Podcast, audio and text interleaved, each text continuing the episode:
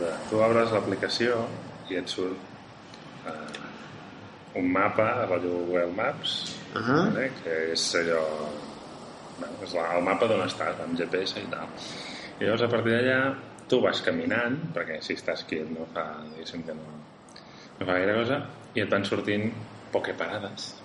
Que parada. Hola, que mapa. Sí. És on estem ara. És un mapa d'on estem ara mateix, exactament, i tu Hola. tens un radi d'acció de, per de, detectar coses. No? Llavors hi ha les pokeparades, que és on Ahà. tu t'abasteixes de, de pokebols, Uh -huh. de pokeboles i d'altres xuminades, i de tant en tant et salta algun Pokémon. I llavors tu Però jo vull veure Pokémons. Com fas per matar-los? eh, no es maten els Pokémon. Com que no es maten els Pokémons? Quina puta gràcia té això? Pokémon no és violent. Pokémon Com que no? Però si no és de lluita. No és de... Lluiten els Pokémon, però no lluites contra els Hòstia, Pokémon. si no pots matar Pokémons. No, els, els captures en, en boles que són més petites que el seu tamany. Càpsules Hoi Poi. Sí, més o menys. Sí, De. Pokémons. O crueltat animal. Per O ja en l'home hormiga està implicat. Algo així. Jo, jo crec que m'he en crueltat animal. Saps? Allà els, els, els encaixes allà dins de la bola, Hòstia, per molt grans que siguin. I res, llavors hi ha gimnasos. Gimnasos. Gimnasos Hòstia. Pokémon. Però si ja vas caminant, no tens més pràctic no en gimnàs de veritat? No, O... en, el, en els gimnasis on fas lluitar els bitxos. Ah, però és com si que és que... Mira, ui, Vaporeon... Sí, però lluiten entre ells. Eh? Executor... Està gravant. Hòstia. Oh, sí, mira, Ara, o sigui, ara sabrà tothom que juga al Pokémon Go. quin nivell tens? 15. Jo és que he arribat al nivell màxim del, de l'Avengers Ultimate Alliance Molt bé, encara I... jugues això. Sí, bueno, per això no hem fet programa fins ara, estava concentrat. Era, si tu em deies que tenies feina. Sí, sí, no? he Ah. arribat ja al nivell 30, que és el màxim. Vale, vale. Tinc uns quants al nivell 30 també, tinc la Vision, el Capi, Hulk, Thor... Sí, sí. Bueno, jo al FIFA no estic malament. Sí, també l'has patat, aquesta... L'he patat aquest molt. any. Aquest any l'he patat molt, molt, molt. Bueno, doncs mira, si vols aprofitem que estem gravant i comencem la segona temporada. Vinga, Som-hi. segona i mitja. Segona i mitja.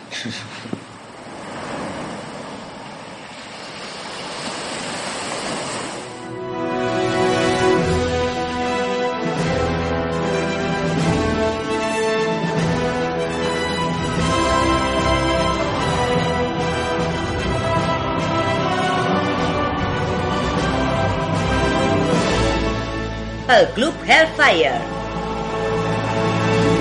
Doncs sí, amics, aquí estem a la segona temporada i mitja, diguem-li segona temporada, que és més fàcil, Sí. del Club Hellfire. Sempre podem dir que l'altra és la temporada perduda.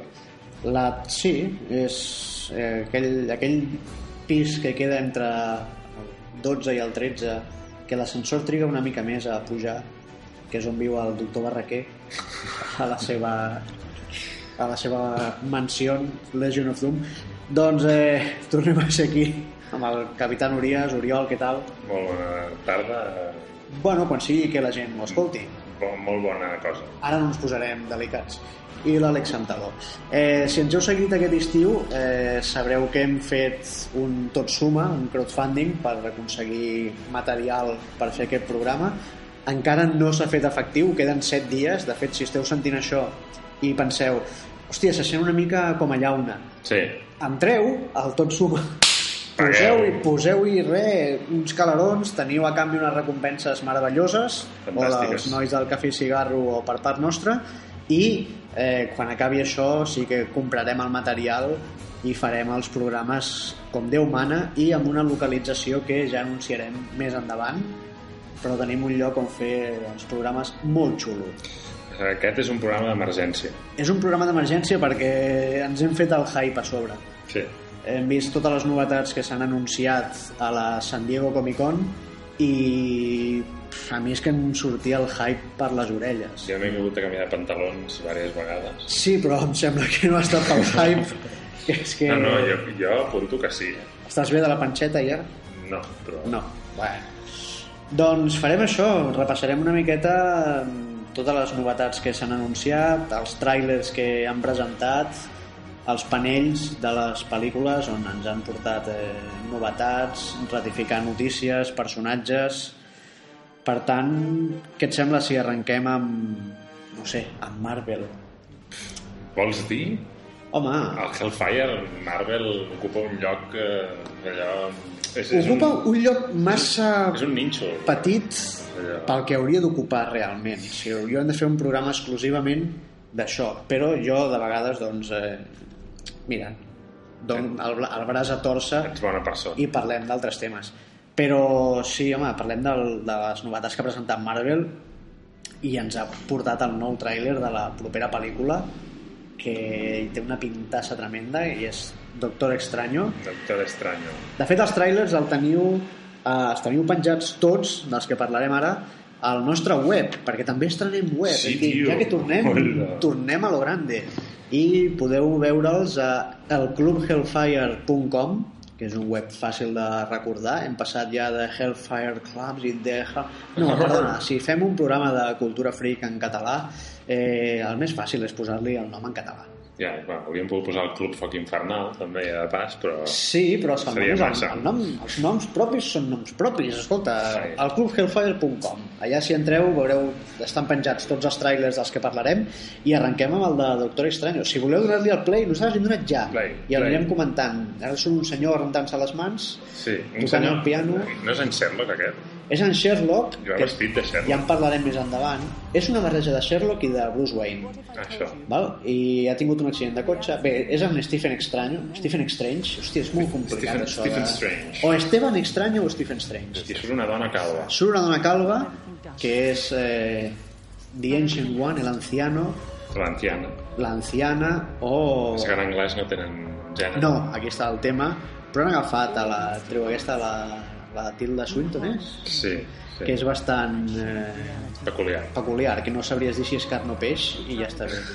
Que va sortir a Snowpiercer, també, Sí. fent un paper... gran paperàs al, a l'Snowpiercer. El tràiler de Doctor Estranyo us explica una mica doncs, com, com anirà, sobretot l'origen del Doctor Estranyo i el seu entrenament en aquestes muntanyes de, del Tibet. Eh, és un cirurgià de prestigi que amb un accident de cotxe perd la mobilitat de les mans. No ben bé la mobilitat, sinó que no, no pot controlar-la, li tremola ni això. I eh, bé, no sabem com s'ho faran a la pel·lícula però va parar al Tibet i l'entrenen en el món de les arts místiques. Que doncs, sigui, Marvel està entrant ara, està començant a, a potenciar també per partida doble el tema de les arts místiques, arts marcials i tot això. Sí, s'estan, eh, sigui, la, jo crec que les fases fins ara de Marvel s'havien centrat en l'univers superheroi clàssic. Jo crec que fins i tot amb això han seguit la cronologia dels còmics, ja que han imparat als anys 60, no? les aventures de, sobretot, Capità Amèrica, Thor, Iron Man i Avengers, i han anat introduint els personatges eh, secundaris una mica també al ritme que els còmics i crec que arribem a la dècada dels 70 dels còmics, on entra totes les arts marcials, el món de la màgia... Els hippies. Els hippies, sobretot no? això. Els hippies de Marvel. Eh, tot apunta que Doctor Extraño serà una pel·lícula molt psicodèlica, serà un tripi de l'SD... No, i a més, les, les imatges que es veuen al tràiler, els edificis aquells, el rotllo aquell origen, una mica, Sí, hi ha un eh? rotllo origen. rotllo origen, però que té molt bona pinta. El rotllo anunci d'aquell de que no sé quin cotxe. Sí, hi ha un... sí, és que podria haver anunciat el Doctor Extraño el cotxe, jo me l'hagués comprat. Segur. Sí, y, y te regalamos el colgante del Doctor Extraño. El ojo de Agamotto. Ahí está. con wifi para tu cotxe. Eh, home, mm, del Doctor Extraño, a, pan, a banda del personatge, entrant més en el tema de la pel·lícula, des d'aquí vam defensar, sempre hem defensat que Benedict Cumberbatch era l'actor ideal per fer Mhm. el Doctor Extraño. Marvel ens va sentir, ens va fer cas. Bueno, de fet, el, vam trucar a Marvel, eh? els vam suggerir, eh? però això... No, bueno, vam fer un WhatsApp. Sí. És, Ja els hi vam- Són aquelles coses que té el, el Club Hellfire. Sí, sí, sí, eh, ten- tenim aquesta mena d'influència. Eh, Benedict Cumberbatch estava, Per havia cert, nascut... Sí, digues, digues. No, no, que molt interessant que estàvem veient el tràiler, no? Sí. M'agrada molt el moment en què anuncien, o sigui que PortAventura ha ficat el seu petit anunci, no? Allà... Ah, sí, el moment Shambhala, Sí, sí, sí. No? sí, és el moment, la- l'última escena del tràiler, que podríem dir que és el gir còmic, Sí, no? De, sí. perquè com a totes les pel·lis de Marvel tindrem el moment, moment còmic. Home, del càsting, a veure, Benedict Cumberbatch sabem que és un actoràs i que tot apunta que ho clavarà, com a Doctor Extraño. Després tenim a Rachel McAdams, Mhm. que farà aquell paper de... a part de ser l'interès romàntic és eh, la infermera de noche, Night Nurse, que és un personatge de Marvel que es dedica a curar de forma clandestina a tots aquests superherois mm, de caire més aviat eh, de carrer, tipus Spider-Man, Daredevil i tota aquesta gent, Mhm. doncs es dedica a curar-los. I en els còmics ja va ser també durant un temps eh, la parella del Doctor Extraño, la fa Rachel McAdams, aquí cap, cap pega, endavant. No, no. Després tenim en Benedict Wong, que farà de Wong, Oh. jo crec que va néixer per aquest paper. En Wong era, en els còmics, és el criat, Sí, que a vegades gairebé diríem que esclau, s'ha de dir que és un, un d'aquells personatges una mica que ja vist des d'una perspectiva més moderna, estereotipats, una mica estereotipat, molt. allò, diguem-ne, quasi racista, Sí, sí. saps? Allò, però bueno, Bueno, era als anys 70 i... era, sí, era un cato, també, de... de sí, de, era el cato de Green Marvel. Hornet, era, què més, el, el de... Hòstia, el de l'inspector Clouseau, com es deia? Sí, ah, oh, que memòria. Bueno, Sí, sabem de, sabeu de què parlem. exactament. I tot apunta que eh, la pel·li de Doctor Extraño té un paper més com a el seu instructor, Sí. un dels seus instructors al Tibet, i serà més una figura de guia pel doctor que no pas eh, el seu criat. De prepárame un té Wong que voy a entrar en un Prepárame un té sueño. chino de mierda. Sí. Per no dir... Bueno, realment xino no, però... No, bé, tampoc sabem d'on era en Wong. Jo no ho sé, ara no entrarem. Eh, també tenim en, en Mads Mikkelsen, Aníbal, que ja trigava a aparèixer en una pel·lícula d'aquestes. que fa de dolent tot. Fa de dolentot Kaelicious, personatge que no tinc l'honor de conèixer, però que pinta que serà un dels dolents. Pinta que se li ha, plorat una mica i el rímel... Sí, és aquell efecte d'en Ronan a la pel·li de Guardians de, Gala de la Galàxia, però no tan brut. Però sí que plora, però, però està, plora com, negre. està com més catxes, eh, aquí. Tots els actors que fitxen per Marvel per contracte han de posar-se més catxes. Encara que no interpretin sí, que, que sigui el anciano, també s'ha de posar. Tilda Swinton s'ha posat molt catxes. Sí, sí. I també tenim en Chiwetel Ejiofor, un altre fan favorit d'aquests, que havia aparegut a pel·lis bastant friquis, fent del Barón Mordo, que és un dels enemics del Doctor Extraño per naturalesa, i que aquí sembla que d'entrada seran com col·leguites i després al final de la pel·li acabarà sent acabarà convertint-se passant al, a l'indret fosc de la màgia Marvel. Eh, no sé tu però jo tinc moltes ganes de Jo veure tinc- Doctor Strange. Jo tinc moltes ganes, o sigui, reconec que és un personatge d'aquests que he llegit molt, molt esporàdicament, però tinc moltes ganes també de veure com Marvel comença a explorar el que dèiem abans, no? O sigui, Marvel ho ha fet molt bé, ara ja la gent, el públic general, es comença a creure més els superherois, mm -hmm. que ha estat un procés que ha durat, et diria jo, 15 anys, Sí, des sí, de sí. X-Men fins ara, que se'ls puguin creure, i ara entrem ja en això, no? O sigui, en Guardians de la Galàxia entrem a la, a la part a espacial la part còsmica espacial i aquí entrem a la part allò espiritual, mística arts marcials, tot això o sigui, jo estic, tinc moltes ganes i a més a més serà una manera d'oblidar aquella pel·lícula de Doctor Estranyo que ens de la que ja en vam parlar que vam parlar, programa. busqueu programes anteriors vam parlar de les pitjors pel·lis de Marvel que Sí, no, pitjors pel·lis de superherois en general sí, no, de superherois però, bueno, que algunes Sí. de les pitjors eren precisament de Marvel sí, sí, sí, bueno. diguem-ne Quatre Fantàsticos diguem-ne el Doctor Estranyo sí, sí, i no entrarem en d'altres que ja no, com Capitans Amèriques i coses d'aquestes Sí, sí. Home, estèticament m'agrada molt com han interpretat el tema de la màgia i aquesta mena de runes que li apareixen a les mans Sí, cada cop sí. que fa servir la màgia o alguna invocació que són aquelles coses que fa uns anys mm, podien quedar cutrangues si no es feien bé i ja. No, clar, i a hores d'ara estèticament fan molt bona pinta. També apunten que tindrà un toc humorístic important, però bé, és Marvel, no, no ens hauria d'estranyar. crec que val la pena perquè és una d'aquelles pel·lícules que si te la prens massa seriosament No, no te la pots prendre seriosament, és un personatge que va invocant dimonis i entitats còsmiques i coses d'aquestes, per tant. Però això Marvel sempre s'ho ha pres amb sentit de l'humor i és, i és interessant. I com a senyal que s'ho pren en sentit de l'humor és la darrera col·lecció de còmics del Doctor Extraño, Del bacalao. del Bacalo, eh, que la trobo, per mi és el que està editant ara Marvel, eh, que més em crida l'atenció i més m'interessa. O sigui, a part de, del dibuix d'en Bacalo, crec que les històries són molt, molt interessants i, i val molt la pena descobrir-la. Seguim? Seguim amb misticisme i seguim amb coses Sí. de, i, i entrem al vessant Netflix. Exactament. Ens van presentar a la Comic Con el tràiler d'Iron Fist, Puño de hierro. Puño de Hierro pels clàssics, que més que un tràiler venia a ser un teaser, no? De, Mm. quatre imatges. Comencem amb un Danny Rand, que Petit. és l'Iron Fist, de petit, l'accident d'avió, on en teoria mor la És seva avió, és família. helicòpter, aquí. És helicòpter. Ah, vaja. Se n'han fotut un helicòpter, sí. Sí, fa pinta Ah, no, no, no, no, no. és, és un avió, pas que és petit, perquè deu ser l'avió de la Deu família. ser reset.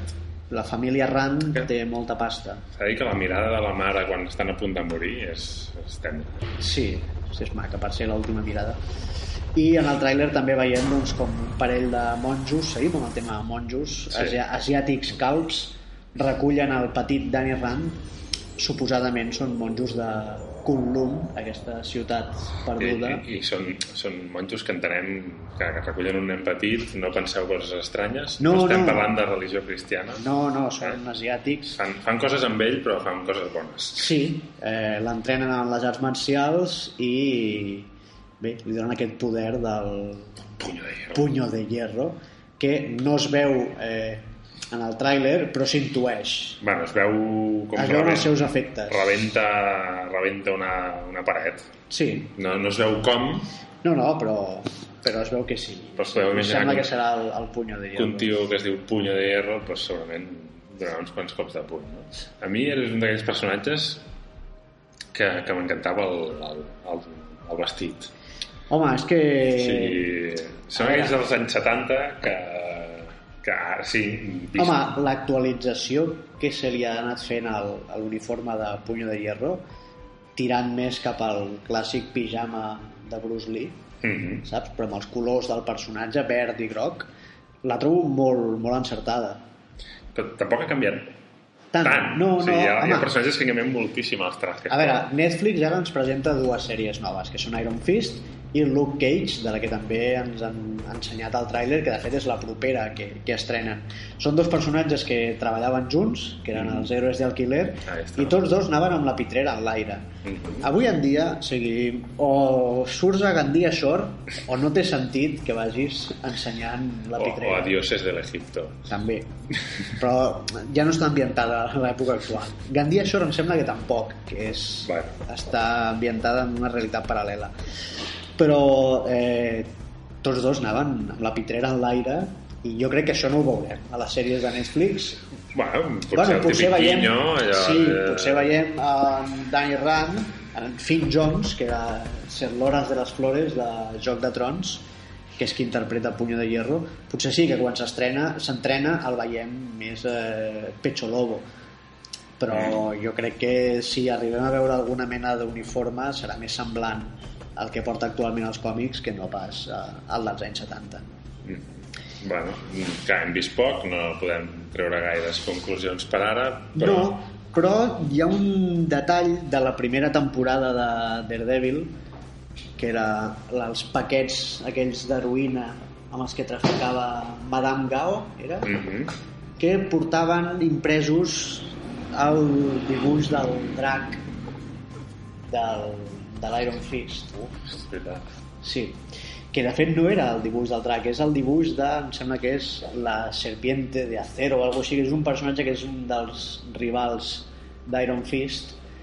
I des d'aquell moment ja comencen a posar-te aquí les pistes. També parla d'una ciutat perduda tot apunta que és Kunlun la ciutat on entrenen l'Iron Fist per tant, em sembla que els de Netflix ho tenien bastant pensat d'entrada per acabar-ho lligant tot Està, està tot pensat, està tot planificat. Sí, sí. tenen, tenen molt clar i, bueno, prova d'ell és el que l'altre, que posem ara el de Luke Cage, Sí. perquè és que, és que gairebé que les haurien d'estrenar alhora, aquestes dues. Sí, però bé, home, van, van per ordre. L'altre dia també els van preguntar a un dels capitostes de Netflix per què no produïen més, més sèries de Marvel, o les mateixes, però més ràpid.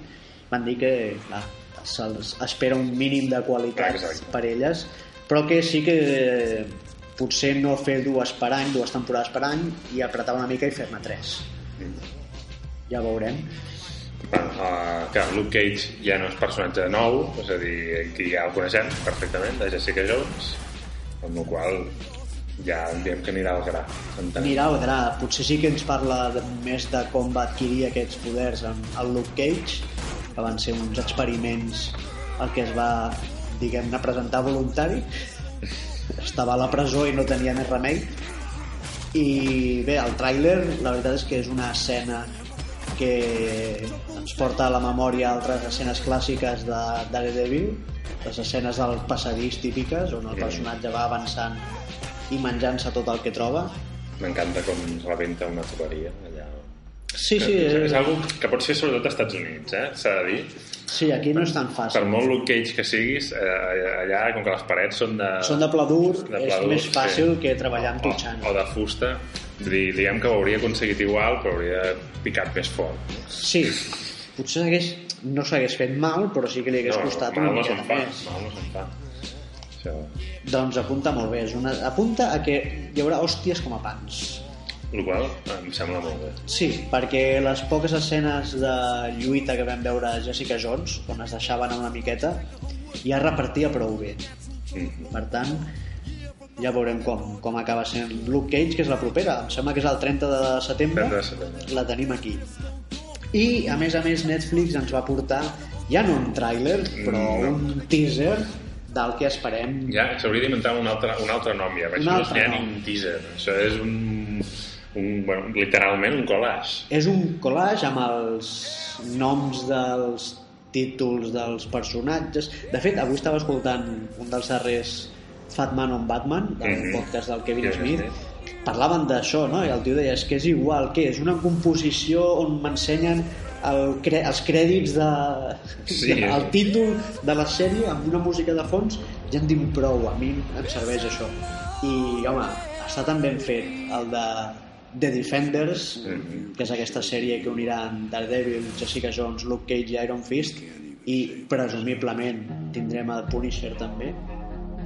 Presumible. presumiblement amb aquesta musiqueta de Nirvana de fons i la veu diria que de Stick que diu que a- a ve a dir que si no sou capaços de protegir-vos vosaltres quatre com voleu protegir la ciutat la veritat és que no sabem com anirà si hi haurà la mano al darrere d'aquest perill al que s'hauran d'enfrontar los defensores però fa molt bona pinta A veure, a veure, bueno, sí.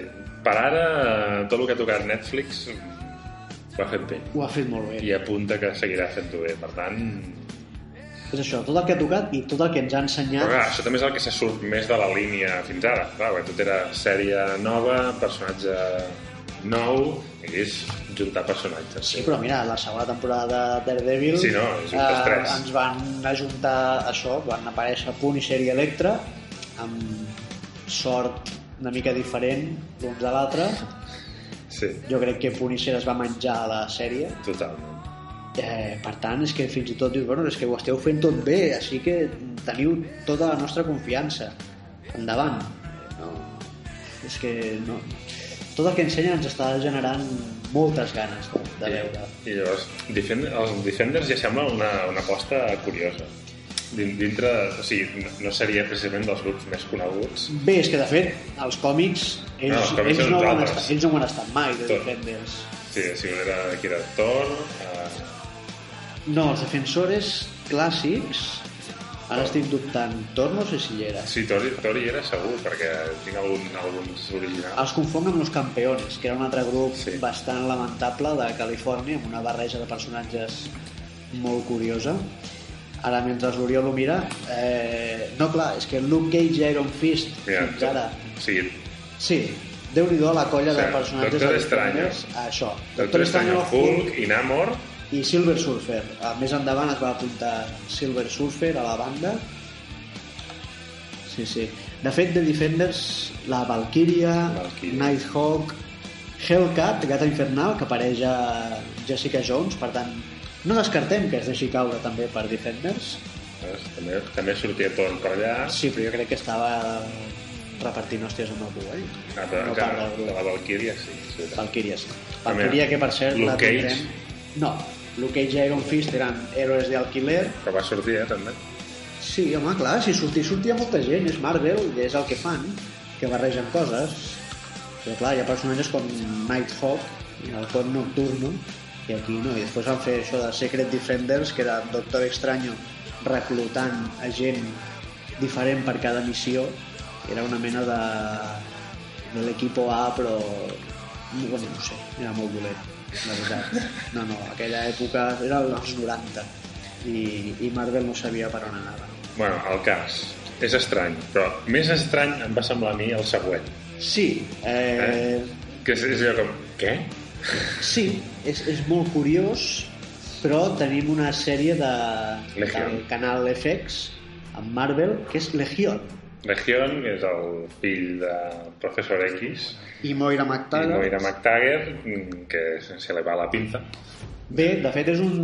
Diuen que és un dels mutants més poderosos que hi ha Mhm. i és això, el fill de Charles Xavier però que eh, té una malaltia mental, no sé si és ben bé esquizofrènia o personalitat múltiple i tal però té quatre persones, personalitats diferents entre el cap, cadascuna d'elles amb un superpoder diferent Mhm. això és el que el fa a part de que està tarat més perillós no? Aquest és el que va iniciar la famosa saga de l'era de l'apocalipsis. Sí, Va ser culpa seva. va ser culpa d'ell eh, i és això, diu Canal FX ens presenta una sèrie de Legió que no sabem per on tirarà No, però el tràiler no pinta pas malament no, no, no, no, no veus sèrie de Marvel. Allò... ja, però és, sí, podria colar més com sèrie Netflix Sí, del que està sí. fent Netflix eh, Exacte. amb els personatges que no pas eh, les sèries d'ABC de Marvel no?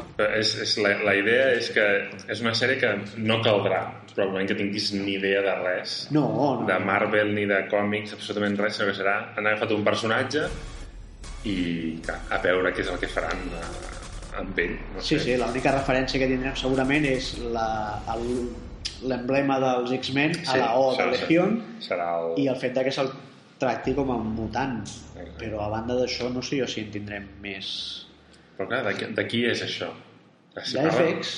Ja, ja, sí, sí, però parla de mutants, llavors sí, això... sí, és que no sé si FX forma part de Fox o són uns drets d'uns mutants que no tenia la Fox o hi ha algun acord d'aquí, no sé la veritat és que ens va agafar molt per sorpresa de fet també quan van anunciar aquesta sèrie en van anunciar una altra del Club Hellfire però no n'hem sentit a parlar o sigui, no ens n'han dit res No, per no. tant no sé si ens passaran a sèrie Clar, però estaria bé, eh?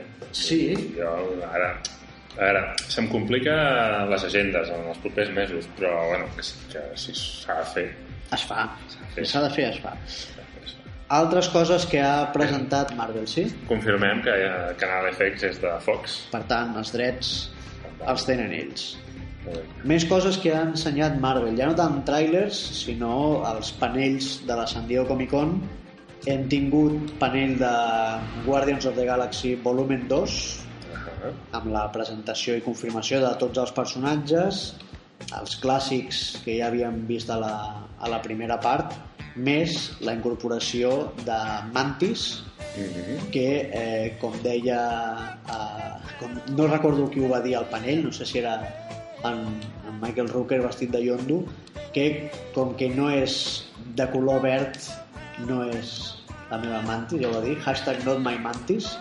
Jo és el primer que vaig veure quan vaig veure la imatge de presentació dels personatges, dic, hòstia, mantis, no és verda, què esteu fent? Cabrones. però la veritat és que com que a la primera pel·li que està molt bé, és molt divertida ja es va empatar tota la mitologia de, de Guardians de la Galàxia ja dius, mira, feu el que vulgueu que segurament m'ho passaré però és que és això vull dir, van canviar personatges van fer una mica el que van voler així que bé, tenen màniga ampla i endavant. A part de Mantis tindrem a Yondu un altre cop, però en aquest, en aquest cas com a part dels Guardians de la Galàxia, a més a més amb la seva aleta clàssica al cap, Que va sortint al panel va sortir, sí, sí. disfressat. Disfressat. De fet, de tots els seus... Eh, els seus eh, massi- Ravagers. els seus massilles van sortir Sí, sí, van sortir tots tots caracteritzats. Però no sé si seran els seus massilles, perquè com que ell entrarà a formar part del grup, potser ells s'acaben rebel·lant en contra seu, no ho sé, ja ho veurem. Tenim també la incorporació d'en d'en Carl Russell, que interpretarà amb un gir molt estrany, interpretarà Ego, el planeta vivent, que als còmics és un planeta amb cara de persona, Sí, amb cara de senyor amb bigoti, que es menja altres planetes. També. Sí, i que en aquest cas, doncs, a part de tenir la seva forma planetària, doncs tindrà forma de persona i serà en Carl Russell i a més a més eh, van confirmar que seria el pare de Star-Lord. Exactament. Per tant, aquí hi ha un gir dintre de, també dintre de l'univers Marvel. Que la gent s'ha posat les mans al cap quan el, el, el James Gunn va anunciar lo del Carl Russell. Van Sí. dir, ah, spoiler, spoiler, nos has destrozado la pel·li. Però, tio, que és el director. Ja, sí, el director pot dir el que vulgui. Que facin la que, pel·li. si, si ell considera que ho pot dir, i ha hagut de posar un comunicat a Facebook dient gent que us digui que Carl Russell serà el, el pare de Star-Lord i que serà Ego, eh, no és un spoiler. És la No. trama, punto. És la sinopsis. Sinopsis. El padre de Star-Lord, Ego, interpretado por Carl Russell... Ah, spoiler! Hòstia, no. Idiota. Que, home, hi ha, hi ha altres incorporacions interessants a la pel·lícula. Ja no tant com a, a personatges, que encara no sabem si estan confirmats o no, però sí curioses. Tenim en Nathan Fillion, Mhm. que de moment hem vist que apareix a un, a un cinema antic de la Terra, hi ha uns pòsters i fan una mena de marató de pel·lícules de Simon Williams. Simon Williams és l'Hombre Maravilla, Wonder Man, personatge de Los Vengadores, que a més a més és actor de cinema. I aquí hi ha aquesta col·locada d'ull d'en James Gunn de dir, doncs mira, farem un passe de Simon Williams i hi ha tota una sèrie de cartells de pel·lícules interpretades per Simon Williams però que eh, és en Nathan Fillion entre ells una biografia de Tony Stark vaig veure amb una portada de Nathan Fillion eh, rotllo Steve Jobs saps? interpretant Stark que potser ja encara rizar el rizo i també tenim una incorporació que sí, que està confirmada que és en Sylvester Stallone Mhm. que no s'ha dit quin paper farà Eh, Entenem que serà un paperet. Eh, es rumoreja i, i tindria tot el sentit que farà d'un un soldat de Nova del cos Nova. En plan en plan jutge dret, aquí està serà la seva broma particular eh, doncs amb, amb jutge dret que, mira, escolta està, està molt eh, també vam tenir el panell de Pantera Negra. Espera, va ser en aquest, en el de Guardians de la Galàxia 2, on es va presentar la Capitana. Es va presentar la que, de fet va ser al final de tot perquè van fer tots els panells Seguit. i al final van dir pues va, fem una foto amb tots els actors i va arribar el moment on eh, Kevin Feige va dir ai, falta algú llavors van anunciar que ja tenien Capitana Marvel i que seria Brie Larson des d'aquí a favor no sé tu Votos jo- a favor! Votos a favor de Brie Larson. Dos. sí. Doncs sí, eh, l'actriu guanyadora d'un Oscar per The Room serà la Capitana Marvel de l'univers cinematogràfic Marvel. I Va. diuen que no la presentaran abans de la seva pel·lícula, però si ja la tenen i han de gravar encara Guardians of the Galaxy 2, no estaria de més perquè segurament serà l'enllaç entre els personatges de la Terra, Clar. els Vengadores, i els personatges com- còsmics, que són els Guardians. Eh, L'Àlex ho té tot pensat. jo tinc, però és que això fa, fa molts anys. Sí, quan van, comen, van dir que farien Los Vengadores, També li va enviar un WhatsApp al Kevin Feige. ja van començar a tramar tot això i estava clar que la Capitana Marvel seria l'enllaç entre els personatges de la Terra i de l'espai. Vam fer també el panell de, plan de Pantera Negra, Black Mhm. Panther, vam presentar una mica doncs, els, els personatges i, i els actors i la, i la trama, però no hi ha massa cosa a destacar. Potser sí amb Michael B. Jordan, que és un d'aquests actors que re repeteix pel·lícula superheroica dintre de l'univers Marvel. El primer cas va ser a Fox fent d'Antorxa Humana, personatge que passa sense pena ni glòria a la pel·lícula, com tota la resta, i s'incorpora a càsting de Pantera Negra fent de Killermonger, Killmonger, perdona. Killer, Killermonger. Killermonger. Killermonger seria... Bé, no, no entrarem en detalls, però és Killmonger, que és un dels enemics clàssics també de Pantera Negra, que, bueno, pues, és un senyor que viu a la selva i, està catxes i reparteix hòsties com a pans, una I mica com a Pantera. Negra. Doncs si, com en Pantera Negra, si és que és el Pantera Negra reverso, per dir-ho així. També tindrem Andy Serkis, que es rumoreja que tornarà com a clau, però és que té tota la lògica. O sigui, si a Age of Ultron va anar a Wakanda, apareix Ulisses Clau, li tallen un braç mm, i faràs una pel·li de Pantera Negra sense el seu arxienemic? No pot ser. Per tant, ja us confirmem nosaltres que Ulisses Clau serà a la pel·lícula. I també destaca el nom de Lupita Nyong'o, Mhm. que ja que ha signat per Disney i a Star Wars doncs apareix també aquí a l'univers Marvel i farà de Nakia no sabem ben bé ho sento però no ho No, sé no dominem no tant. el dominem aquí. tant el tema i bé, haureu de refiar-vos de la nostra paraula i acabem l'univers Marvel eh, si de cas amb la tele i amb Agents of S.H.I.E.L.D Agents of S.H.I.E.L.D. van fer el panell també presentant la quarta temporada i així com en el de la tercera es van centrar molt en l'univers dels Inhumanos eh, a la quarta mm, com a mínim el teaser i les notícies que surten donen un gir una mica estrany em sembla a mi Jo no l'he vist. doncs eh, ens presentaran el motorista fantasma Ah, sí, sí, això ho he llegit. que dius com? What? Eh? eh? Doncs sí, Sí, sí, a sí. Agents of S.H.I.E.L.D. tindrem el motorista fantasma, que a més a més eh, ja veurem com el tradueixen aquí, perquè eh, és Ghost Rider, que aquí es va traduir com a motorista fantasma, però és que el que apareixerà és la darrera encarnació del personatge que va amb cotxe. Mhm. Segueix sent Ghost Rider, però ja no pot ser motorista fantasma. el, com, el xofer El fantasma. xòfer fantasma, el taxista fantasma, El conductor el fantasma. conductor fantasma. No ho sé, eh, tampoc m'importa, sincerament. No, no, està clar, perquè les veiem en versió original. Però La pregunta és, es dirà el, el nom alguna vegada? jo crec que sí, home. Ah, però... Com a mínim el nom que li posin ells de... Ha aparegut aquest personatge i no sabem... Vull dir, a, la, a la... Jo encara li dic Sky, eh? Sí, a l'Sky... A la Daisy no l'hem dit mai. Quake, No, mai, encara. Eh? Sí, no, jo- no, però els inhumanos sí que els hi deien pel seu nom. Per tant, ja veurem com ho fan.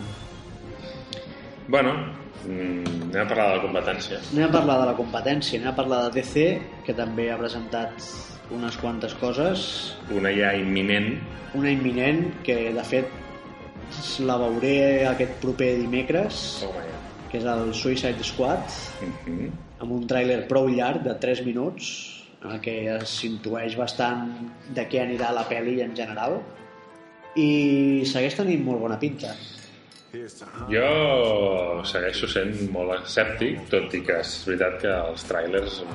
diguéssim, El primer que vaig veure, no. El següent, el, el segon va ser el de, el de Bohemian el Rhapsody de Bohemian Rhapsody i jo vaig dir, hòstia, molt bé. Però és que és el que tenen, que saben fer molt bons tràilers. sí, home, clar està clar que les pel·lis de DC de moment no engresquen tant com les de Marvel. La- L'avantatge és que jo, d'Esquadron Suïcida, ni puta idea. No he llegit mai res. Aquí està el tema. Per tant, mm, és, bueno, és la gràcia que té que alguns fans de DC poden anar a veure les pel·lis de Marvel i si es passen amb alguna cosa els en porta tres per Jo crec que és el que li va passar a la gent amb Guardians of the Galaxy. Sí, que pot ser el que la gana. tant se li fotien els personatges i van veure una pel·li divertida i s'ho van passar de puta mare. Jo crec que pot passar el mateix, però bueno, a veure. A veure què passa, home, ja et dic, té bona pinta. D'entrada tenim sentit de l'humor. Sí. És una cosa que falta al, a totes les pel·lis de, de DC. Eh, tenim en Batman, aquesta darrera mm, versió de Batman, amb Ben Affleck, que es veu que té unes quantes escenes a la pel·lícula. Tenim un nou Joker, que jo l'he de veure bé al cinema perquè m'acabi de convèncer perquè el Ledger jo crec que va clavar bastant el personatge. Sí. Bueno, clar, ara serà, i a més, i el fet que s'hagi mort, No, és encara, evident. encara afegeix més, més. El, tio- Sí, el però, tio- però ja havia clavat el personatge... eh, Bueno, sí, clar, abans de morir-se, Però, òbviament. però jo amb el Jared Leto tinc bastanta confiança, eh? és un tio que, Sí, que ho pots fer bé. Eh? tot és veure com... El, el problema que li veig jo també a aquesta pel·lícula, ja no aquesta, sinó el Batman en general, és que tenim el Batman del Nolan molt recent i que de sobte canvi tot així, ostres, és, és poc coherent dintre d'aquest univers de DC que ja és poc coherent en si. Tot, tot ell. Sí, sí, però bueno, ja veurem, veurem què tal aquest Joker. Eh, tenim una Harley Quinn que fa la sensació que també es menjarà la pantalla cada cop Sí. que aparegui. Eh, tenim en Deadshot. Deadshot o Deathstroke? Ah, no sé quin dels dos és. És igual. Els personatges de DC, tots són iguals. Tots són iguals, no ens importa. Té, té els mateixos poders, els dos tenen els mateixos poders i un deu ser cosí de l'altre com Flash, Kid Flash, Impulso, eh, Jay Garrick, o Batman i els 10.000 Robins, o Superman, Supergirl, Superdog, Supertot... O sigui, al final tenen... De fet, DC tenen quatre eh, personatges i la resta són Atenció, eh? família. Atenció que parla el Marvel Zombie, eh? No, no, però és que al final ho acabes veient i és veritat. Per, o sigui, eh, hem vist el tràiler també de la tercera temporada de The Flash. Sí. Val? Que és, eh, Flash, Flashpoint. Flashpoint, perfecte. Arrenca amb Flashpoint, que és com va acabar la, la segona temporada. Que és una sèrie que a mi m'encanta, que la gaudeixo molt. I a més d'aquelles també que vas increixendo. O sigui, Sí, sí, que, que no para. Sí, Estranyament una- és una d'aquelles coses que DC ha fet Molt bé. molt bé, però després l'ha cagat el no agafar el mateix actor per les pel·lícules. Sí, però és que crec que al final són coses molt diferents. Però Sí, sí, no, no ho són, però... que jo deia en el fet de que Flash està molt bé, però al final és Flash, Kid Flash, el Flash d'altra dimensió Ja. i els dolents, quins poders tenen? Tots corren molt ràpid perquè és el Flash Reverso, Zoom, tal, i que està molt bé i que tot aquest rotllo del legado és molt clàssic de DC i és una tradició que tenen ells, però mm, és una mica de... perquè no t'ho curres una miqueta més. Però bé, a banda d'això, la tercera temporada de Flash eh, també apunta bé. Seguim per les pel·lis o per on vols tirar? On vulguis. Perquè després de Suicide Squad eh, també ens han ensenyat el tràiler de Wonder Woman. Ah, exactament. Comenta tu, que tinc la boca seca. Uh, Wonder Woman, uh, personatge ja també clàssic on els hi pugui haver, ja l'hem vist a Batman contra Superman, per tant tampoc és nou, però ens explicaran finalment qui és. Anirem a la illa de les Amazones aquestes, de totes ties que estan bones i que van amb poca roba, i a més són superfortes, i no sé què fan amb els homes, però no és gaire maco. normalment. No, vindria a ser on viuen les lluitadores de, de pre 5 anys. Exacte, exacte. Llavors aquí, pel que hem vist al tràiler, que jo, ignorant, eh? jo l'únic que sabia de Wonder Woman, a part de quatre coses que de llegir còmics de Superman on surt, i que sabien, eh, era que el seu creador era un sadomasoquista i, i, que, Sí. i que Wonder Woman veu completament de fons sadomasoquistes, ¿vale? allò del lazo de la verdad, deixa't estar. ¿vale? Sí, sí. És una dominatrix I les botes d'agulla per... Ah, clar, no, No, sí, sí. no us flipeu. No és una superheroïna, és una dominatrix, però maquillada. Vale? Doncs aquí ens barregen amb la Segona Guerra Clar, Mundial. perquè les, man... les dominatrix normalment no van maquillades. Ah, bueno. No, maquillada de superheroïna. Ah, vale, vale, vale, dominatrix. Vale, vale. I, bueno, I aquí el que tenim és un, un crossover entre Segona Guerra Mundial i Wonder Woman, bàsicament, un soldat que... És la segona o la primera? Crec que és la primera, Ah, eh? hòstia, sí, és la És la Primera Guerra Mundial, sí. Sí, sí, trinxeres, trinxeres, és la primera. uh, després de veure el tràiler, la sensació que vaig tenir és mira, volen fer com el Capitán Amèrica. Sí, sí, té una mica aquesta... Uh, el que passa és que, clar, si ho haguessin fet a la Segona Guerra Hagués Mundial, cantat molt. hagués cantat massa, per tant van a la primera. És veritat, és veritat. Sí, no, és que... Sí, sí, és la primera. És la Primera Guerra Mundial, aquests biplanos, aquestes Sí, sí, ametralladores que, que apareixen al tràiler. En Chris Pine, que ha fitxat per DC, per tant Marvel ja es pot oblidar de, de signar-lo. Al final, al final això és Barça-Madrid, eh? Si, si, si tens contracte amb Marvel o, o amb DC. A, a, mi el tràiler per mi té bona pinta, eh? És a dir, mm, ja no té aquella, aquell rotllo de pel·li fosca, mm, tot i que té el filtre aquest Sí. DC eh, fotogràfic, no? Que, Instagram que- s'ha fet d'or amb Sí, les pel·lis de Expro 2, no? Jo, jo de fet ja tenia un filtre d'aquests, quan feia els meus vídeos també tenia un filtre d'aquests de rotllo azul, que era ponle a tus vídeos estètica Hollywood, no? I estètica DC, no? Tot és fosc, tot és fosc. Uh, evidentment serà una pel·lícula que anirà molt al missatge feminista, ja, Sí, sí, ja es sí. veu en el tràiler, que en el fons no colarà gaire, sobretot si ho poses a la Primera Guerra Mundial. Ja. Eh, Són, són massa avançades aquestes amazones per... No, i més si Primera dius, és que, eh? escolti, teníem Agent Carter que, Sí. que ja era això, però a més a més bé. Clar, Sí, això és abans, missatge eh? això és fins i sí. tot abans de les, les sufragistes, no? Diria. Sí, sí. Vull dir que, déu nhi Bueno, no sé, almenys és això, la idea de que no serà allò un, un Batman o un Superman enfadat, sinó que serà alguna una mica més, no sé, es veu més aventura. Sí, es veu més aventura clàssica, però segurament per l'ambientació, és això, Mm. eh? No hi ha tants ordinadors i tantes pau. gadgets, sí, serà un rotllo Rocketeer, una cosa d'aquestes. Que per cert, Que- Rocketeer, Sí, això anava a dir, s'està plantejant si fer un reboot.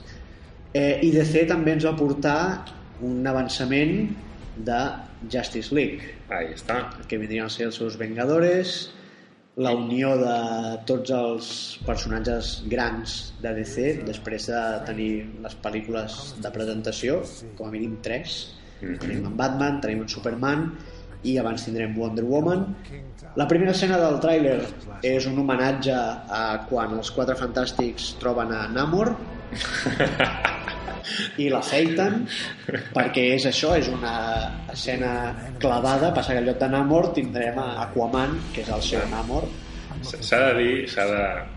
S'ha notat les crítiques que hi ha hagut a Batman Superman ja directament en aquest tràiler perquè hi ha molt d'humor. Sí, hi ha molt d'humor, fins i tot se'n riuen del que sempre s'ha- reconegut la gent d'Aquaman, que és el fet que parli amb els animals. Sí, sí, que parli amb els peixos amb els peixos i, i tenim a Flash, el Flash cinematogràfic, eh, Compte, recordem però mm, pel que he vist al tràiler m'ha agradat a mi també i ja no et diré que m'ha agradat tant en Flash sinó com fa de Wally West Exacte. i fa les, a l'hora de parlar fa la sensació de que el cervell li va a mil Mhm. i està constantment pensant quines paraules ha de triar per expressar el que vol dir però que el seu cap parlaria molt ràpid. més ràpid Sí, sí, no, no, a mi m'ha agradat. S'ha de dir que m'ha agradat, segueixo dient que és una oportunitat perduda no fusionar univers televisiu i cinematogràfic, però bueno, però també és una cosa molt típica de DC, Sí, sí. no? Els, els Elseworlds, aquests univers sí, paral·lels que les tenen Tierra no sé què, Tierra no sé quantos... Bueno, que a veure, Marvel també ho ha tingut durant un temps, ara sí, ja no. bueno, va tenir els Ultimates que van acabar van acabar originant la pel·li dels Vengadores també, per tant Ara, s'ha de dir que comencem a tenir un accés d'escenes de, de gent ràpida, eh? sí, Perquè entre X-Men, Vengadores i ara aquest de Flash, i el flash de la tele i bueno, i el de la tele, però bueno, ja ho veig diferent, però aquí allò, pel·lícula amb escena destacada uh, càmera i lenta... que cadascú ha de triar bé com fa els efectes especials per diferenciar-se de l'altre.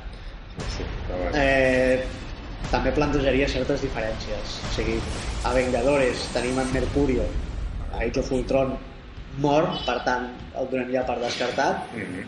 però que jo crec que quedava ben representat de la seva velocitat, ja que era ell el que anava ràpid i la resta es movia normal.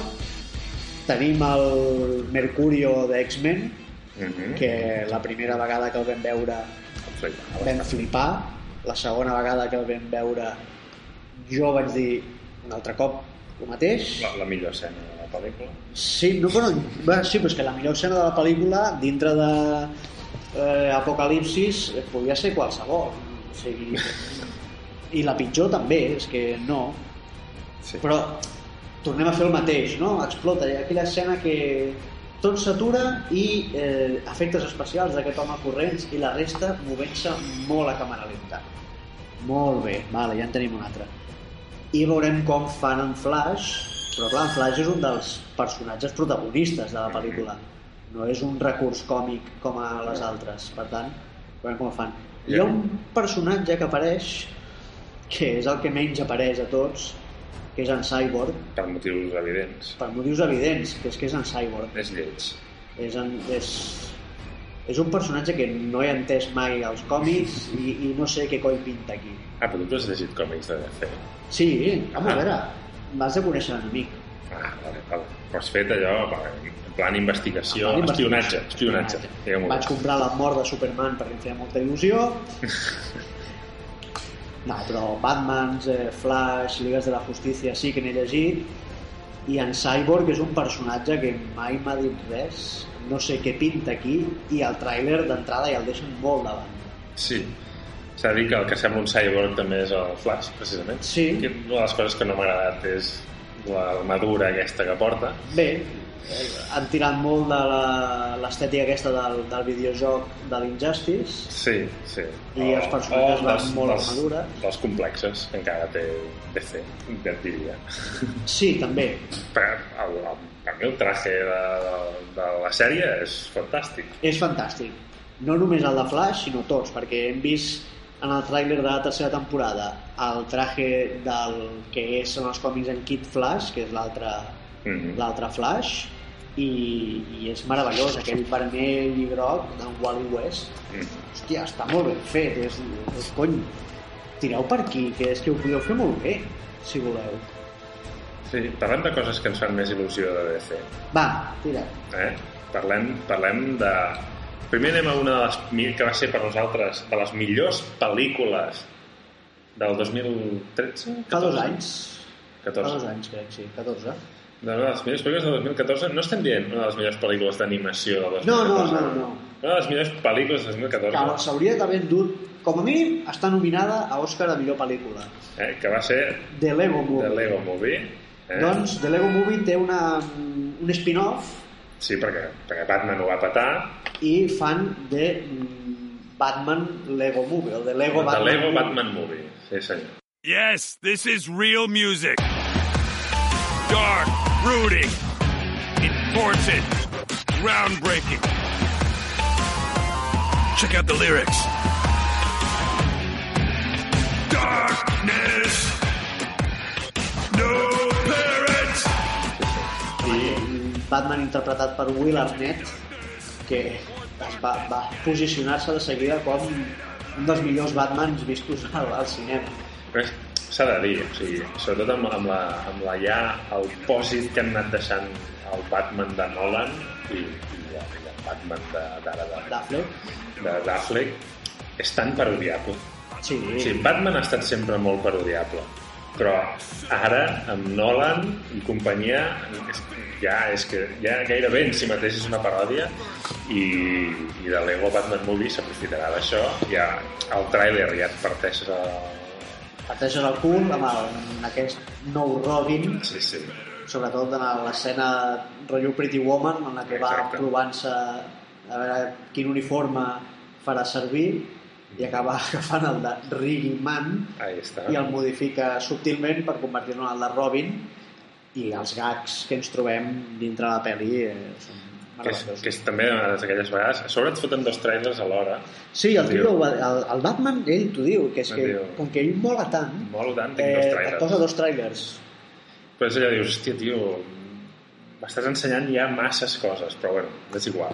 Bueno, és que a més també ens han ensenyat el Joker, la Harley Sí, sí. Quinn, altres personatges, Bueno, la Liga de la Justícia, això. la Liga de la Justícia, però surten, no sé si sortiran massa, però surten No, com a no corrents crec. de fons.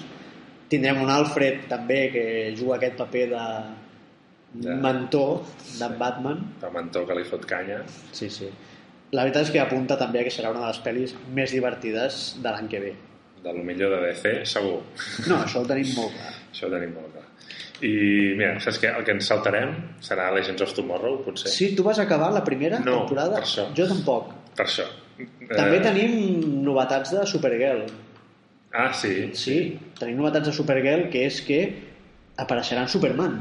Mm I ja no com una silueta de fons, com a, o com a WhatsApp com a WhatsApp. Si és veritat, Supergirl rebia WhatsApps de, De. Superman. de su primo. De su primo, no? Normal. No, me estoy hablando con mi primo por Qui WhatsApp. no rep missatges de, de la família, no? Exactament. Doncs és normal. Doncs sí, eh, a la segona temporada de Supergirl tindrem un nou Superman. Ja hem pogut veure eh, imatges, us penjarem si de cadascú en pengem aquest post. Que, que evidentment eh, no, No. és el Superman de la, de la, del cine, És un tal Tyler Hoechlin.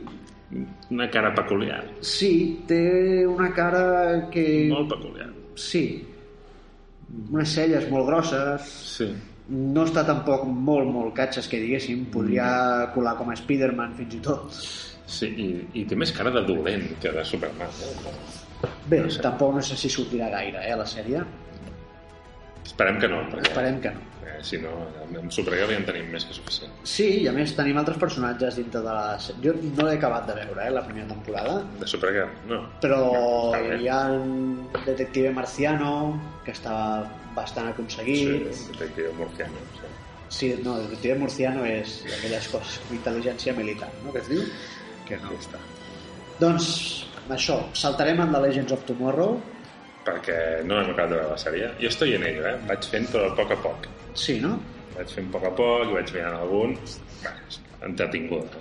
Va. Ve, veig que, que és veritat que Prison Break torna, llavors Sí. fa, falta, Sí, falta en el nou tràiler no hem vist el, El James Scofield, això perquè està a la presó.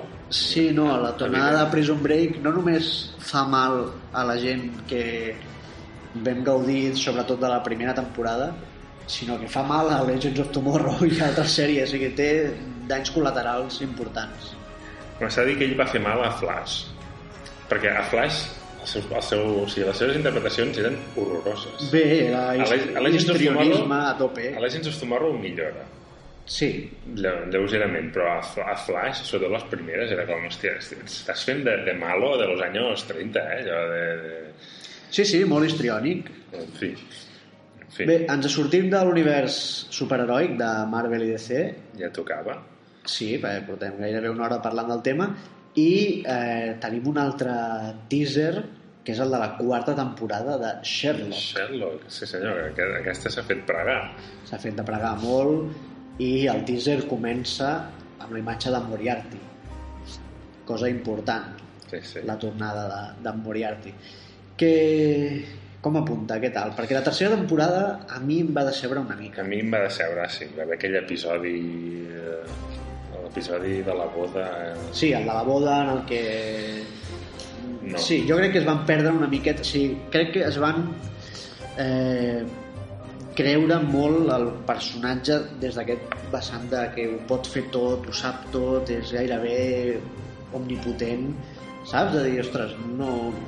M'agradava el Sherlock del principi, quan Mm. eh, resol casos i, i la gràcia està en com el resol. I la quarta, mm, quasi que et diria que estic veient més un Sherlock porn, Sí, saps? Que, que bé això anar a fer històries de casos, que és potser el que, no sé, jo crec que és el que volia la gent. Sí, perquè Sí, és que que- les dues primeres temporades És el que ens va atrapar. són I- meravelloses. I aquí sembla això, bueno, hi ha alguna mena de conspiració... eh, Sí, tot saldrà a la luz. I no ho sé, no ho sé. Mm. Bueno, la veurem, la gaudirem perquè segueixen els actors sent meravellosos. Exacte, si només per això ja, ja val la pena. Ara, la deriva que està prenent, no ho sé, No ho sabem. haurem de veure. Total, eh, en Benedict Cumberbatch ja el gaudirem, el Doctor Strange, no? Exactament. i el, i a l'altre a Black Panther John Watson el tindrem a Black Panther per tant endavant tenim altres novetats això sí que és un teaser eh, tota regla perquè no es veu res Sí, sí. senzillament es veu eh, com es no sé si és com es construeix o com es repara eh, l'Enterprise no és l'Enterprise, és la Discovery no? A mi, a mi què m'expliques? Sí, perquè ho posa. És una nau de la Federació d'aquesta dels planetes de Star Trek, Mhm. que no, no confondre amb la batalla de los planetes, eh, i és una nova sèrie. Nova sèrie. En, tenim una pel·lícula que vas veure La pel·lícula, que ja si voleu en diem alguna cosa després, i ara tenim nova sèrie. Que quants anys fa que no hi havia sèrie? Doncs no sé si després de la nova generació sí que en va haver-hi alguna, Sí, alguna va haver. Sí, però no, no sóc un gran seguidor de, de la saga televisiva. Jo vaig ser molt fan de Nova Generació, però ja està. Eh, I això, tenim una nova sèrie, eh, Star Trek Discovery és, Sí, Discovery. però no en sabem res més. O sigui, aquest any se celebren el 50è 50. aniversari de la sèrie S'han tin- llançat a la piscina i han presentat això. Eh, es rumorejava, passa que a saber, eh, Nathan Fillion com a capità. en Filian està... Està, se rumoreja per tot. Sí, sí. És a dir, és el Mitchell de la sèrie... Han obert una nova allò, fleca al barri. Es rumoreja Nathan Fillion. Eh, L'Espanyol necessita entrenador. Sona Fillion. Nathan Fillion. Sona molt, eh? Ves? Sí, sí. I una altra cosa que s'ha presentat també, que hem vist el, el primer tràiler, és el de American Gods. Te l'has llegit, tu? Sí, Jo tinc pendent. m'he llegit American Gods i em vaig llegir Los hijos de Anansi, que era una segona part encoberta. Mm -hmm. Eh, bé, perquè no ho sàpiga, American Gods és aquesta novel·la de Neil Gaiman que eh, ens presenta, ens ve una mica a parlar del fet de que els déus tradicionals en els que creia la gent eh, estan desapareixent, estan morint i estan sent substituïts per nous déus, nous déus com la tecnologia, la televisió i tot això. I el que vindria a parlar la novel·la, ja veurem si la sèrie fa el mateix, és de eh, aquests antics déus com busquen la forma de tornar a estar presents a la societat actual. No, és que no vull explicar massa més cosa perquè llavors ja serien... Això sí que serien spoilers. No, jo només diré doncs, que està protagonitzada per un Avidal amb, eh, amb anabolitzants, Sí, perquè, hòsties, podria ser el seu germà. podria ser el germà de Vidal, que fa de Shadow, que és el protagonista, i tenim Liam McShane, que farà de Wednesday, que ve a ser una mica més el protagonista encobert de la novel·la, Perquè és el que realment porta el pes de la trama, i no sé, és, no, no podem dir massa cosa més. Jo, jo, com a no lector del llibre, el tràiler m'ha convençut. Sí, i a no mi sé també. tu, com a lector. A mi m'ha... jo el tinc a la tauleta de nit No, fas bé, des de fa fas bé, fas dos bé anys. allà. Dos anys. No, és maco. Està esperant. A Allà. veure, el càsting no està malament, ja dit, destaquen sobretot Liam McShane i en Peter Stormare, que és un clàssic de, de totes aquestes sèries i, i pel·lícules. Eh, I he estat mirant una mica el càsting amb els personatges, o sigui, quin personatge interpreta aquest actor, i mm, estan ben triats, considero que, que estan prou bé pels papers o pel que després es desvetllarà que són els papers que, que interpreten. Per tant, jo crec que la seguirem. Eh, crec que la seguirem més que Preacher que és una sèrie que podria arribar a tenir certes semblances Mm -hmm, bueno, sí està. però que no sé tu, però jo he deixat el cinquè episodi Hòstia, encara no he arribat ni al cinquè episodi. A veure, jo, Preacher és un dels, jo et diria un dels meus còmics preferits. doncs I... jo me l'he llegit però tu parles amb més criteri I llavors, el, jo he vist el... No, és que, collons, he vist el primer episodi, però... I... doncs has vist un dels millors Sí, i em, em, va, em va convèncer, però eh, que em va deixar una mica, bueno, per on tirarà, és a dir, he de veure més, està clar. Doncs jo Perquè- vaig deixar la sèrie al cinquè episodi perquè encara no sabia per on tirava. Saps? Pues mira, veus? és, que és el que anava veient jo en el primer. O sigui, m'agradava com havien caracteritzat tot, tot i que el protagonista no l'acabo de veure, així com el veig perfectament com a Papa Stark Sí. eh, allà, per mi ho, ho clava, com a Preacher no, no tant, saps? No tant. A veure, està clar que el, el càsting de Cassidy és el més encertat de tots Sí.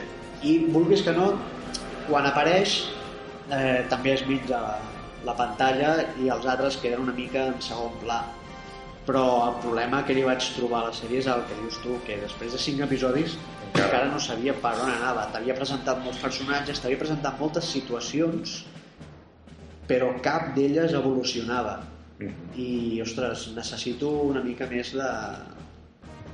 bé, de nus Ja. ja no tanta presentació si, i ja veurem si arriba un desenllaç o no però com a nus, ostres, no hi havia res No, jo ara, quan, ara que tindré una mica més de temps, intentaré, intentaré seguir-la, a veure què. Ja, ja us explicaré. Us explicaré. Però bueno. Uh, un, bueno, li diuen Tom Hiddleston Movie, m'agrada molt com, Sí. com han batejat el tràiler de Kong Skull Island. Vale? Uh, la nova pel·lícula de King Kong, l'enèsima entrega... qui l'interpreta aquest cop? Ben Affleck també? Sí, Ben Affleck és King Kong. I, bueno, et- et diré gairebé el mateix que quan vaig veure la de Peter Jackson. Molta gent es va indignar amb la de Peter Jackson. Jo, una pel·lícula distreta i ja està, però aquesta sembla que és la mateixa pel·lícula però ambientada a l'actualitat, no? exactament. És a dir, va, va por ahí. Amb en Tom Hiddleston, en Samuel L. Jackson, la Brie Larson, també. Tenim Nick Furia, Loki i la Capitana Marvel Exacte, en una pel·lícula. a una pel·lícula i en John, John Goodman, Goodman. o la meitat de John Goodman, que és el que queda després d'aquest règim Sí, tan extrem al que es va sotmetre i no sé quants quilos ha perdut déu però a la primera foto que li vaig veure no, Ara- no el vaig reconèixer Ara ja no cola el de Rafi, un rei de peso. Eh? no, Ara ja no. i ja gairebé no cola ni com a marit de la Rosanne Ara és Rafi, un, un rei equilibrat. sí, O, tot i que en aquesta pel·li també ens ensenya com va a una illa a caçar animals Sí, sí, sí. és una cosa monàrquica Algo així. En el tràiler veiem un King Kong bo, s'intueix una mica a vegades i al final te'l presenten, sobretot la cara eh, és enorme Molt. Que, a veure, també, que han de veure la frase del trailer dels productors de Godzilla. sí, Todo se pega, que diuen. bé, a King Kong no fan Serkis Uh, segur, no? perquè si no, si no és Ben Affleck és Andy Serkis Hi ha algun personatge que es, que es faci amb Sweet Mason? No és Sweet Mason, no, Sweet Mason és el clàssic. Com es diu? El, bueno, amb captura de moviment que no sigui Andy Serkis. jo em vaig quedar amb el, el 3D Studio i no crec que ho facin així No, no, és, és molt. És molt. Bueno, tot i que, bé, ara que el veiem aquí, bueno, home, té la mida eh, a la que ara sí que em creuria que pot agafar algú amb la mà. biplanos també amb la mà es pot Sí. destruir a, a manotades manotades Ostres. No, jo crec que és d'aquelles que aniré a veure sí, home, veure-la la veurem igual i així com vam veure la darrera de Godzilla però Exactament. a saber què que passa per cert, avui, perquè sapigueu el dia que estem gravant el programa, avui s'estrena a Japó l'autèntica nova pel·lícula de Godzilla. Eh? qui la interpreta? un senyor amb un pijama també? Sí, sí? i això és com s'ha d'interpretar Godzilla. No s'ha de fer per ordinador. Ha de ficar-se un tio a dins d'un traje i així és com es fan les pel·les de Godzilla i punto, ja està. i destrueix maquetes, no? I, i destrueix maquetes, tot i que aquí em sembla que ja són maquetes eh, una mica digitalitzades. Ah, amigo Crec, no ho sé, no ho sé. Amigo. El tràiler no ho deixa clar. claro, claro, claro No, no, eh, ja veurem. Claro, claro. Que los que el- Jo confio, jo confio. pusimos el traje en la lavadora, se encogió, ya tenemos que usar efectos digitales. Ja veurem, ja veurem, no? Ja t'ho explicaré. Vale, ja et diràs, ja et diràs. Ja Ja seguirem la, el trajecte d'aquesta nova Godzilla. Ab- Abans d'això... Eh... Abans d'això s'estrena a no, No, no, abans no, després. Sí, després, però hem vist el tràiler també de la nova pel·li de Guy Ritchie, que bé, en aquest cas eh, ens explica una llegenda del rei Artur, que és King Arthur, Legend of the Sword, però que fa tota la pinta de la típica pel·li de Guy Ritchie. Passa que en lloc de portar eh, tots xupa de cuir, porten xupa de cuir i una armadura a sobre.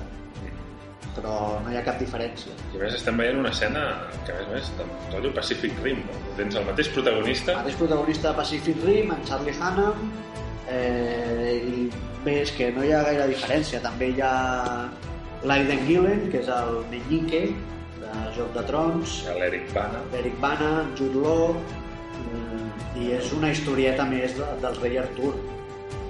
En el tràiler es veu que fa la sensació que volen jugar més amb el tema de la mitologia eh, britànica, doncs amb, amb noms i elfs al bosc, amb criatures mitològiques, coses així, però al final és una pel·li de Guy Ritchie. Jo crec que veurem hòsties amb càmera lenta, amb aquell efecte de... I, i xorrades d'aquestes, i ja està. I espases. En lloc de pistoles, anirà amb espases. pues fantàstic. Sí, no? Doncs vinga, Ai, doncs això és una mica tot el que ens han ensenyat a la San Diego, a la San Diego Comic Con. que déu nhi Sí, ha estat una bastant farcireta de material. Un altre dia ja parlarem d'aquests debats de sobre si la San Diego Comic Con s'hauria de canviar el nom o no, saps? perquè de tot el que es parla de la San Diego Comic Con és de cine, exclusivament. Sí, perquè a banda dels Premis Eisner de còmic, mm, poques notícies més hi ha hagut de, del tema. De fet, perquè no sigui dit, Sí. ja que parla- ja que parles dels Premis Eisner, Eh? i ja canviem una mica de, de bloc i tal, uh, un que estic molt d'acord que és un dels, dels còmics que s'està posant molt de moda, que n'està parlant tothom, que és Paper Girls. Vale? Paper Girls, Sí. l'has llegit? No, Pues, uh, ho faré. ho faré. si, si diguem que si us ha agradat Stranger Things, uh, Ah. teniu la versió en còmic a Paper Girls. Paper Girls que són, és a dir, Paperboy, Sí. mític videojoc. Pues, en aquest cas són noies que reparteixen Diaris. diaris i que es troben amb un marron, eh, diguem, fantàstic. Ah, doncs saps? mira, apunta I, bé. I és bastant, bastant interessant, protagonitzat per, per noies, tot un, tot un grup de noies, o ja, per variar està bé, i hòstia, que té, té molt bona pinta. Em sembla que ja, ja han sortit un... O sigui, ha sortit en grapa, Ah, que, que és Planeta, i hòstia, jo ara, després, quan sortim, aniré a buscar a buscar el segon número, perquè... ah doncs mira, potser, bé. potser m'hi apunto també. Té Premi Eisner. Té Premi Eisner, molt bé. També s'ha endut un altre Premi Eisner, David Aja, Mhm. el dibuixant, Per en aquest cas, aquest com a cop. millor portadista, si no m'equivoco, de Bruja Escarlata, pot ser? Bueno, em sembla que posava... O sigui, que Bueno, ha, fet, ha treballat per vàries, Sembla que és a títol fent- personal, és a dir, és Sí. millor portadista. però i- aquest any darrer ha estat fent aquestes, les de Scarlet Witch i de Star Wars, Mhm. que la veritat és que la feina d'aquest dibuixant, que em sembla que és asturià, eh, ja no només eh, com narra i com El estructura ja els sabem còmics, però les seves portades són obres d'art. Per tant, des d'aquí, la nostra felicitació. I no ens queda massa tema més. Si vols, comentem Stranger Things, tu l'has acabat ja? Jo em falten dos capítols. Estem igual, en falten dos. I no les, i no l'estem veient junts. No. Anem al mateix ritme, no. però... Fem, fem coses junts, ens posem d'acord en fer coses, també. I cadascú les fa pel seu compte. Però pel seu compte. Està molt bé, això. No, està molt bé. Uh, home, amb Stranger Things ha passat allò de sempre. És a dir, comença, surt la sèrie, la gent la veu, la gent diu que és l'hòstia, La gent la veu en un dia que jo crec que eh, en aquest cas, sobretot amb Stranger Things, m'ha passat el fet de dir la valoració és molt diferent si la veus en marató que si vas veient un episodi, ja no dic setmanalment, sinó un al dia. Mm -hmm. La valoració canvia molt. Però és això, al principi la gent li ha agradat molt, molt, molt, molt, molt, i després han sortit tots els que han dit no n'hi ha per tant. No, ni mal. Vale? A mi, jo estic més tirant cap als que els ha agradat molt. jo de Vale. moment també, a falta de dos, falta i que dos. intueixo que acabarà patant por todo lo alto. I hi haurà segona temporada, a més a més, i han dit, i a més a més que serà seqüela, o sigui, no serà una No, no, altra, ja està bé. una altra història. A mi m'ha agradat molt. A mi me la pela que apel·li a la nostàlgia. No, cony. Sí, No només me la pela, sinó que m'està de conya. Sí, és que, sí, no. Eh, és, és, per, és per tu. Però dir, O la- sigui, és dir, hem fet aquesta sèrie per tu. Sí no, ah, més, és, per tant, hòstia, que només puc estar aquí agraït. a més estic segur que molta gent que critica els continus homenatges, gent que potser després es fot palles amb Tarantino, no? I llavors dius, mm, perdona, Tarantino ja, ja és que no faci homenatges, és que senzillament recrea escenes d'altres pel·lícules, eh? Sí, sí. És a dir, eh, i en aquest sentit trobo que Stranger Things és això, agafa una sèrie d'ingredients que ens van agradar i, i els fa servir i ja està. I sí, igual que va fer Super 8, saps? I, i ja està, no sé. Sí, tothom parla de què és això, no? De Super 8, ET, barrejar tot l'esperit d'aquella època, un toc més de Stephen King, més fosc, més misteriós, fins i tot terrorífic, Mhm. eh, però escolta, de moment, ja dic, a falta de dos episodis, eh, jo estic molt content de que l'hagin renovat Mhm. i, i endavant amb Netflix És el- i en produir aquestes coses. Els nanos amb, amb Estan molt bé. estan molt bé. Estan molt millor que els adults. Sí, sí, la, bueno, la, la Winona Ryder, déu nhi també tornar, tornar a veure la Winona Ryder... Eh, Sí, sí, però bueno, segueix sent la Winona sí, Ryder. sí, no, però és, és, és curiós, és interessant, fent, fent, de mama, no? És, és Sí. Aquelles coses que... Et, eh, és com un missatge, ja. Bueno, també és això de, de us feu grans. Sí, sí, ens fem grans. Espectador tipus d'aquesta sèrie, t'has fet gran. Sí, sí. Però- La Winona Ryder Tens aquesta sèrie per això mateix. ja és una mare que té un fill de 17 anys. Doncs, Sí, sí, déu nhi eh, i, mm, A veure, podem acabar parlant de Star Trek Beyond. parla amb tu, perquè sí, jo no l'he vist. vaig tenir la sort de veure-la ahir en un esdeveniment eh, presentació per premsa barra esdeveniment del Club Star Trek eh, a mi com que les dues anteriors em van agradar força? A mi també, i no sóc ni molt menys trek. no, no, jo tampoc soc, com ja ha quedat clar abans no sóc un gran fan de la saga ni un gran coneixedor però m'han agradat molt les dues i aquesta també. Perquè és que és més de lo mismo. Sí, sí, és el que busco. És a dir, no vaig a veure ara Star Trek i vull veure Cisne Negro. No. És a dir, vull veure Star Trek vull veure aquesta gent eh, corrents, eh, tenint aventures havent de pescar-se les per resoldre problemes gent amb caps estranys eh, és que és divertida és, fins i tot té molts més punts de comèdia que les anteriors perquè l'ha escrit en Simon Pegg directament per tant és que s'ha de notar la seva mà si li hagués de posar una única pega és que trobo que Idris Elba, que interpreta el dolent, mm, està molt desaprofitat. I això és un tema que ja no només considero una pega en aquesta, sinó a la primera, on Eric Bana, que fa de Nero, també crec que no està prou explotat. Mhm. A la segona sí, Cumberbatch eh, fent de Khan, que no és cap spoiler perquè ja ho sabíem abans de que, de que ho fessin la pel·lícula, tot Can, i que can. ho volien amagar sí que té bastant més de, de paper però aquí crec que Idris Elba queda una miqueta desaprofitat I, hòstia pagar-li la morterada que li deus haver pagat per fer només això També pot ser després que hagin sigut escenes descartades. No pot dir.